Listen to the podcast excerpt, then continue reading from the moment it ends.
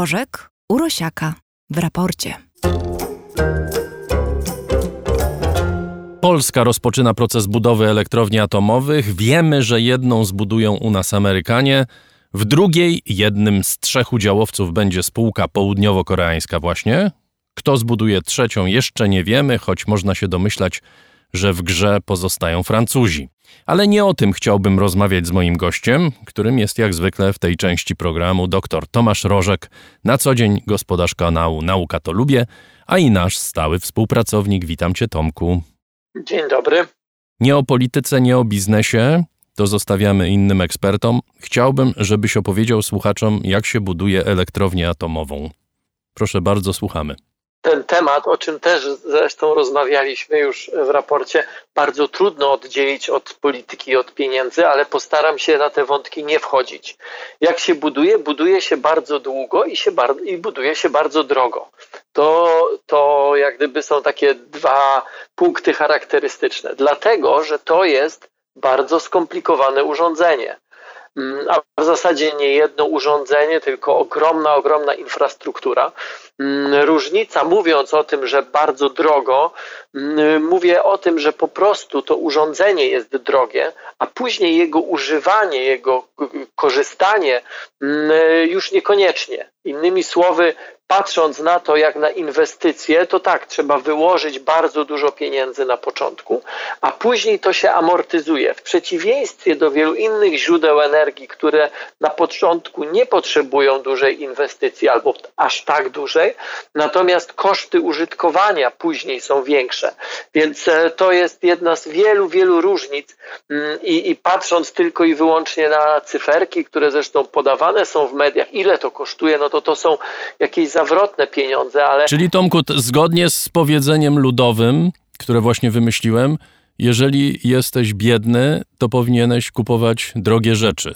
Jeżeli cię nie stać na energię i dopłacanie do energii i regulowanie cen w taki sposób, w jaki my w tej chwili to robimy i właściwie cały świat to robi, to lepiej wydać pieniądze na elektrownię atomową. Mówimy na razie wyłącznie o finansach lepiej wydać te pieniądze, to będą duże pieniądze, ale potem już nie będzie trzeba do tego dokładać w takim stopniu jak do elektrowni innego rodzaju. Coś w tym jest, że jak człowiek, instytucja, państwo no, nie ma nadmiaru pieniędzy, to powinno na każdą złotówkę patrzeć z dwóch stron, z trzech albo i z pięciu. Elektrownie jądrowe, czy w ogóle technologie jądrowe w energetyce są takimi technologiami, które rzeczywiście wymagają dużej inwestycji.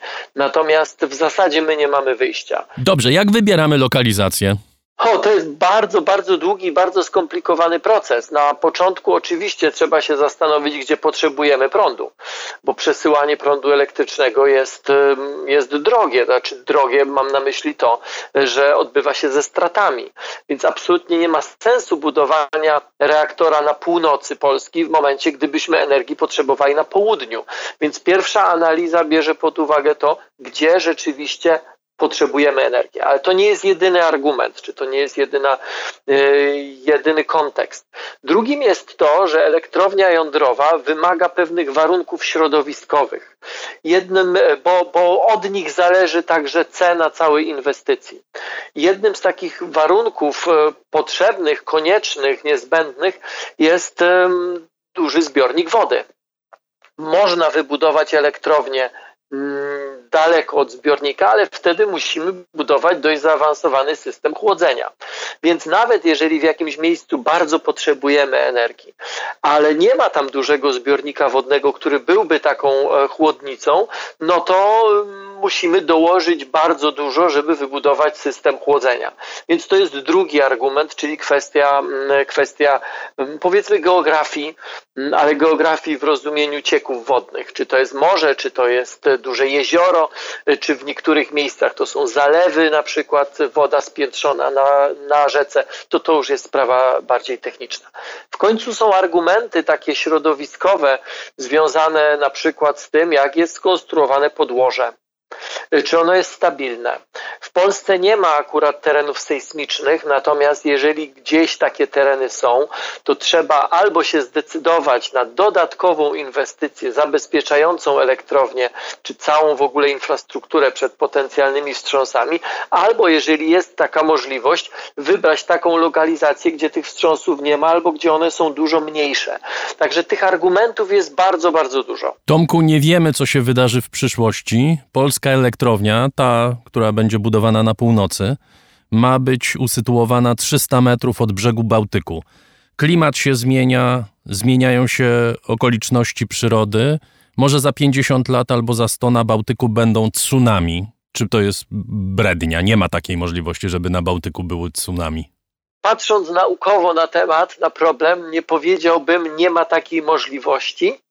E, natomiast powiedziałbym, że intuicja i wiedza podpowiada mi, że jest to bardzo, ale to bardzo mało prawdopodobne.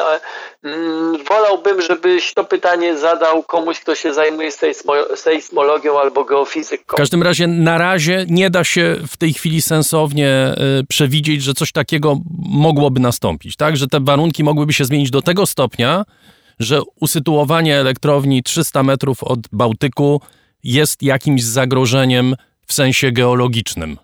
Po to, żeby określić, i właśnie dlatego ten proces budowy, y, czy ten proces wyboru miejsca jest tak skomplikowany, tego typu y, rozważania także bierze się pod uwagę i w grupach, które znajdują tego typu miejsca, czy miejsca na tego typu inwestycje, także oczywiście są geofizycy, są y, geolodzy, są specjaliści od także zmian klimatu, bo choć niezwykle trudno mi sobie wyobrazić, um, tsunami na Bałtyku, to z łatwością mogę sobie wyobrazić, nawet nie trzeba sobie jakoś tego wyobrażać, wystarczy spojrzeć mm, e, na dane z ostatnich 50-100 lat, podnoszenie się poziomu wody. I oczywiście, że tego typu zmiany także trzeba brać pod uwagę. Ale Warto też pamiętać, że budowa takiej elektrowni czy budowa takiej infrastruktury to nie jest decyzja na tysiąc lat do przodu to jest decyzja na powiedzmy 100 lat do przodu. W ciągu 100 lat y, nie zmieni się geologia Ziemi, tak? nie, nie, nie pojawią się nowe tereny sejsmiczne. koreańska infrastruktura czy koreańska elektrownia, koreańskie reaktory, y, amerykańskie też, one mają żywotność rzędu 60 lat. Powiedzmy, że nawet gdyby je przedłużyć do kolejne 20 do 80 lat i nawet gdyby dodać okres budowy powiedzmy 20 lat, nie mówimy o e, perspektywie 200-500 lat. Mówimy o perspektywie kilkudziesięciu do stu lat. W ciągu, w tym okresie nie zmieni się aż tak dużo, żeby trzeba było zastanawiać się nad tym, czy przypadkiem nie zmienią się absolutnie wszystkie warunki łącznie z geologicznymi. To jest raczej niemożliwe. Kiedy mówimy o zabezpieczeniach w elektrowni jądrowej, to o czym w istocie mówimy? Kto jest zaangażowany w proces tworzenia takich zabezpieczeń i co jest zabezpieczane? I znowu to jest niezwykle skomplikowane i wielowątkowe, bo zabezpieczać trzeba wiele różnych rzeczy. Z całą pewnością rdzenie reaktora i sam reaktor. Amerykańska konstrukcja AP1000, która, której reaktory będą powstawały w tej pierwszej lokalizacji, czyli w gminie Choczewo, a konkretnie w miejscowości Lubiatowo-Kopalino. E, przynajmniej na to wszystko wskazuje, chociaż trzeba też powiedzieć, że nie ma jeszcze decyzji środowiskowej pełnej, w związku z tym nie można z pełną odpowiedzialnością powiedzieć, że na 100% tam powstanie pierwsze, pierwsza elektrownia. One mają, one tak przynajmniej chwalą się konstruktorzy, to jest pierwsza elektrownia całkowicie, z całkowicie pasywnym systemem bezpieczeństwa. To znaczy systemem, który po to, żeby całkowicie zabezpieczyć elektrownię, nie wymaga energii. Y, nie tylko w raporcie, ale w wielu, wielu miejscach w ostatnim czasie y, mm, rozmawialiśmy na temat elektrowni w Zaporożu, największej elektrowni jądrowej w Europie. Y, I, za, I martwiliśmy się także w kontekście na przykład Fukushimy. Czy może się coś stać, gdy do elektrowni, czy elektrownia zostanie odcięta od energii elektrycznej? Tak, dlatego, że dzięki energii elektrycznej funkcjonują niektóre systemy zabezpieczeń. Oczywiście tych pętli zabezpieczeń jest bardzo dużo, ale koniec końców można powiedzieć, że to, co się stało w Fukushimie, było związane z tym, że nie doszacowano wysokości fali tsunami i ta, która przyszła, była rekordowa, ale ona zalała generatory prądu, które zasilały z kolei e, chłodzenie reaktora. E, amerykańska technologia AP1000 to jest technologia, która nie potrzebuje energii elektrycznej po to, żeby bezpiecznie wyłączyć i wygasić reaktor. I to jest częściowo odpowiedź na Twoje pytanie, co tam się zabezpiecza? No głównie reaktor i to, co się znajduje w reaktorze. E, natomiast nie tylko oczywiście. Jeśli chodzi o ewentualne zagrożenie y, czynnikami czysto fizycznymi, takimi jak na przykład, nie wiem, bombardowanie. Czy można taką elektrownię zbombardować?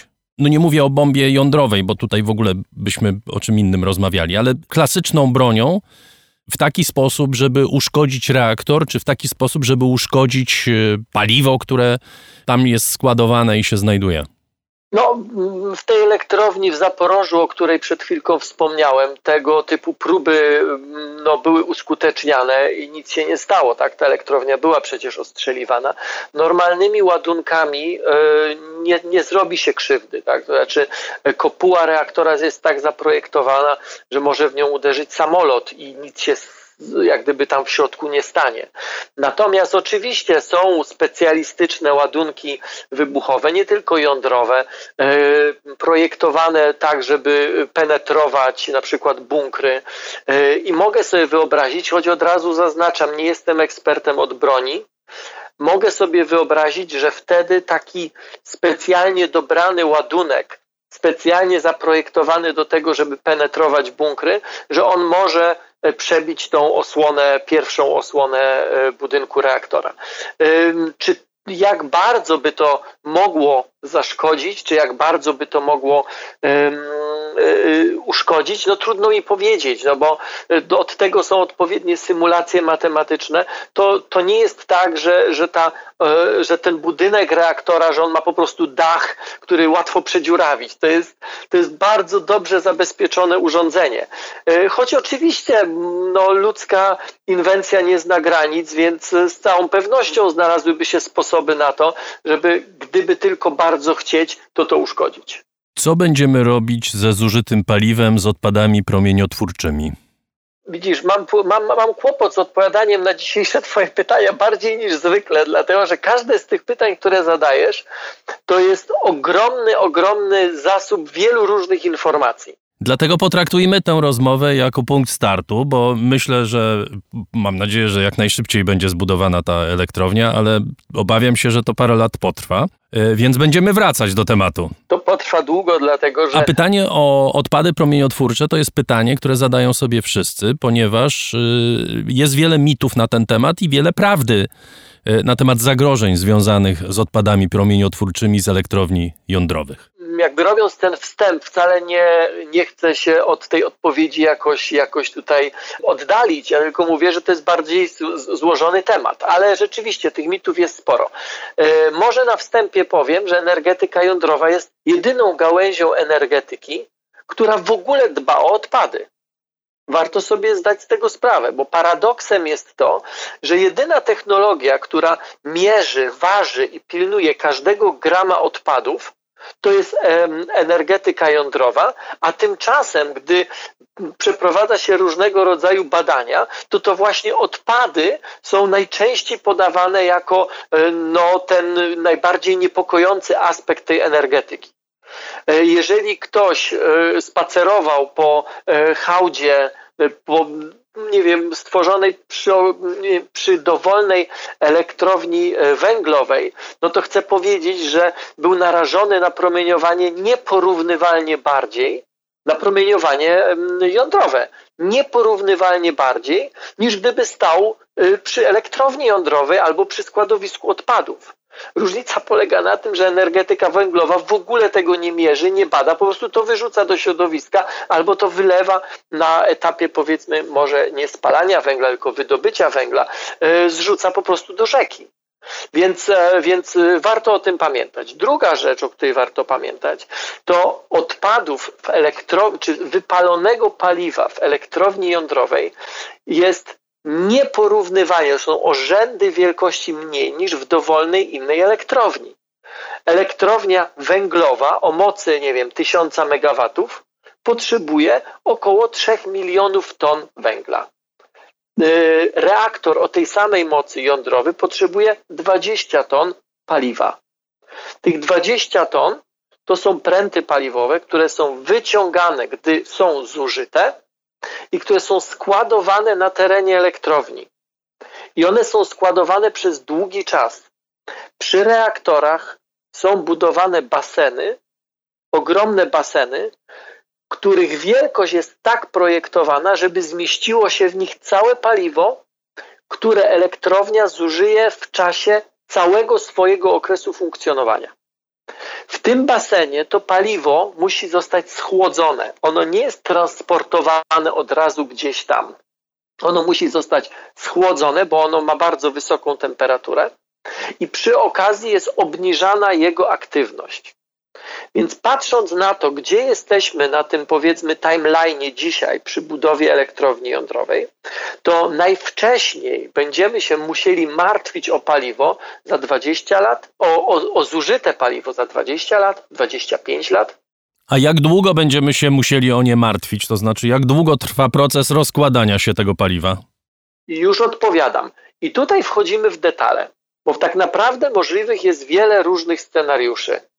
I to, który scenariusz zostanie zastosowany, zależy od wielu zmiennych. A jedną z nich jest cena samego paliwa.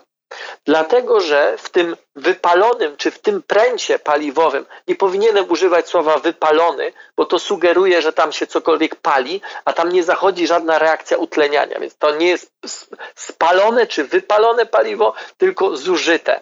Ale w takim pręcie który jest wyciągany z reaktora, z rdzenia reaktora, jest jeszcze bardzo dużo uranu. I teraz tak, jeżeli uran jest bardzo tani, to nie opłaca się um, przerabiać tych prętów, tylko po prostu wrzuca się je do tego basenu, czy układa się je w tym basenie. Odpowiednio długo się czeka, ale mówiąc odpowiednio długo, nie mam na myśli kilka tygodni, tylko wiele, wiele lat. A później e, są różne technologie, albo zatapianie w szkle, albo w specjalnym cemencie. W każdym razie przetransportuje się to takich bardzo głębokich e, składowisk e, w e, różnego rodzaju złożach geologicznych albo takich specjalnych glin, które się same uszczelniają, albo stworzonych w kopalniach soli gdzieś, gdzie głęboko, gdzie woda nie dociera. Tutaj jakby tych technologii jest dużo. Ale jeżeli cena uranu rośnie, to w pewnym momencie nie opłaca się tego robić, bo w tym zużytym paliwie jest jeszcze bardzo dużo uranu. Pręt paliwowy wyciągamy z rdzenia nie wtedy, kiedy cały tlenek uranu zostaje zużyty, tylko wtedy, kiedy w sumie niewielka jego część zostaje zużyta. Większość tam jeszcze zostaje. I jeżeli e, cena uranu jest stosunkowo wysoka, to nie składuje się tego gdzieś, tylko się to przerabia, a w ten sposób można zmniejszyć objętość, ilość tych radioaktywnych odpadów nawet o 85%. Można odzyskać jeszcze raz ten uran i z powrotem z niego zrobić e, tabletki tlenku uranu, które układa się w takiej rurce cyrkonowej, w takie stosy się je wiąże i wkłada z powrotem do reaktora. Więc na dzisiaj z całą pewnością Polsce będzie potrzebne e, składowisko e, wysokoaktywnych odpadów wysoko radioaktywnych odpadów, to które jest w Polsce w miejscowości Różana, to jest jakieś 100 kilometrów od Warszawy, e, to nie jest e, składowisko, które mogłoby sobie, e, czy które zostało zaprojektowane do tego typu odpadów.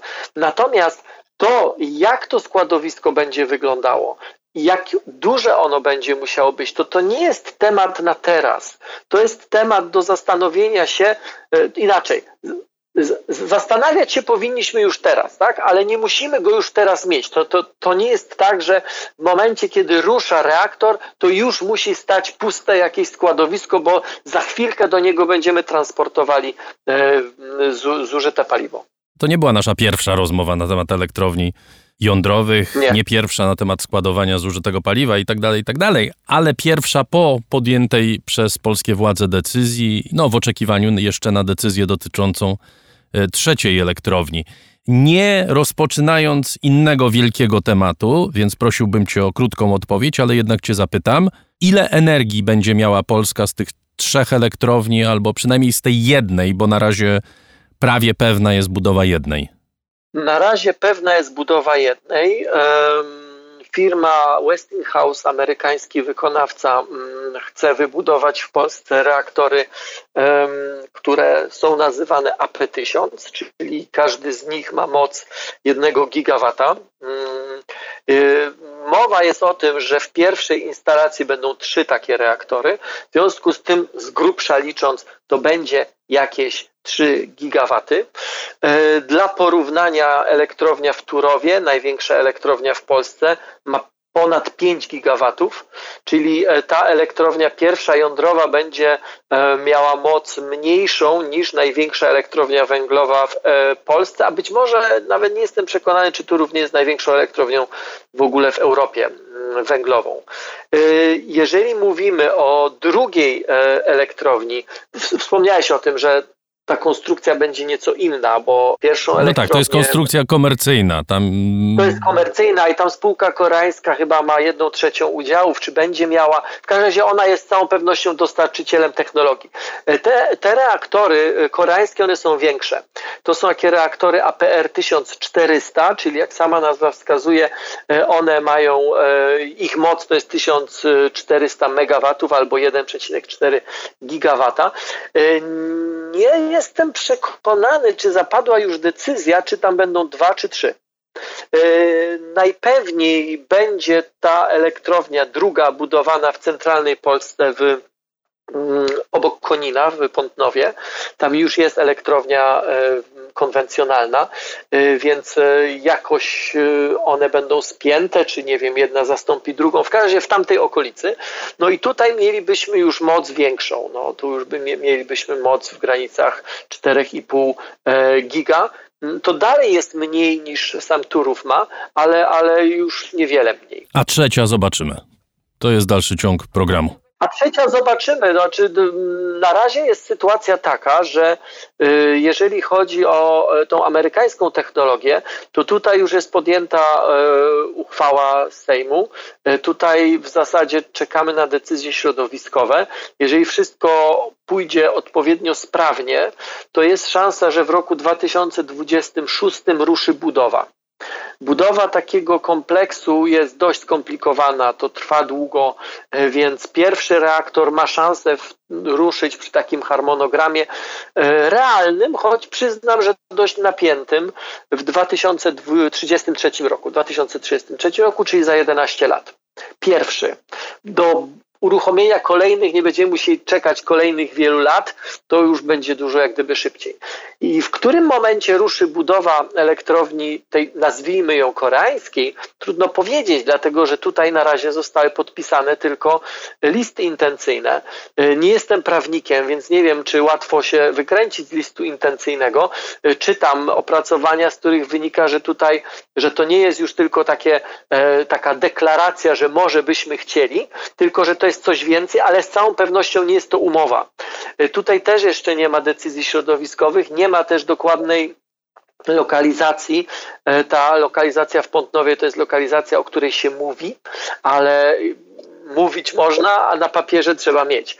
Także tutaj jest jeszcze jedna ważna rzecz, jeśli mi pozwolisz, bo jest dyskusja, czy to jest w ogóle dobry pomysł, że budując dwie elektrownie, a w perspektywie trzecią, że mm, przynajmniej przy dwóch idziemy w dwie różne technologie, amerykańską i koreańską.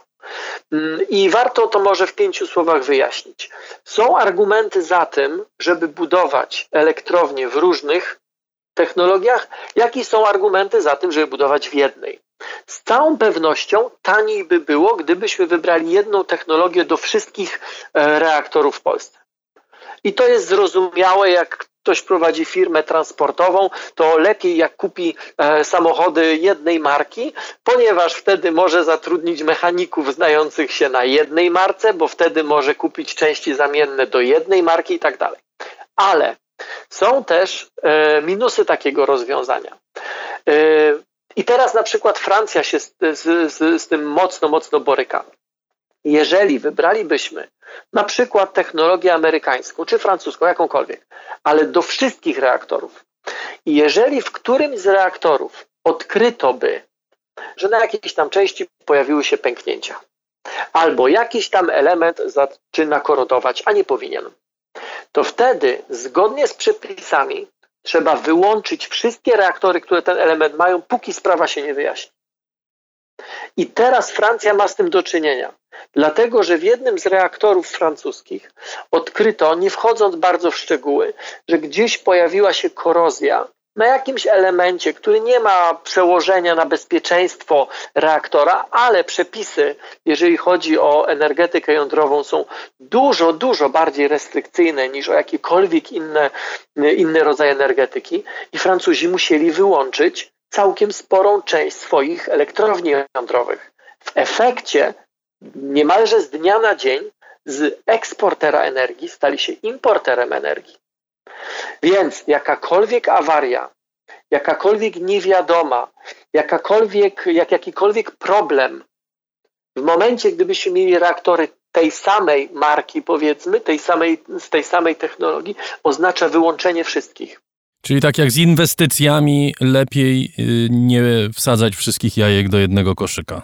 Lepiej dywersyfikować, chociaż oczywiście to także ma swoje, swoje wady, ale patrząc na te wady i na te zalety, to jednak wydaje mi się, że decyzja pójścia w różne technologie jest y, bardzo sensowna.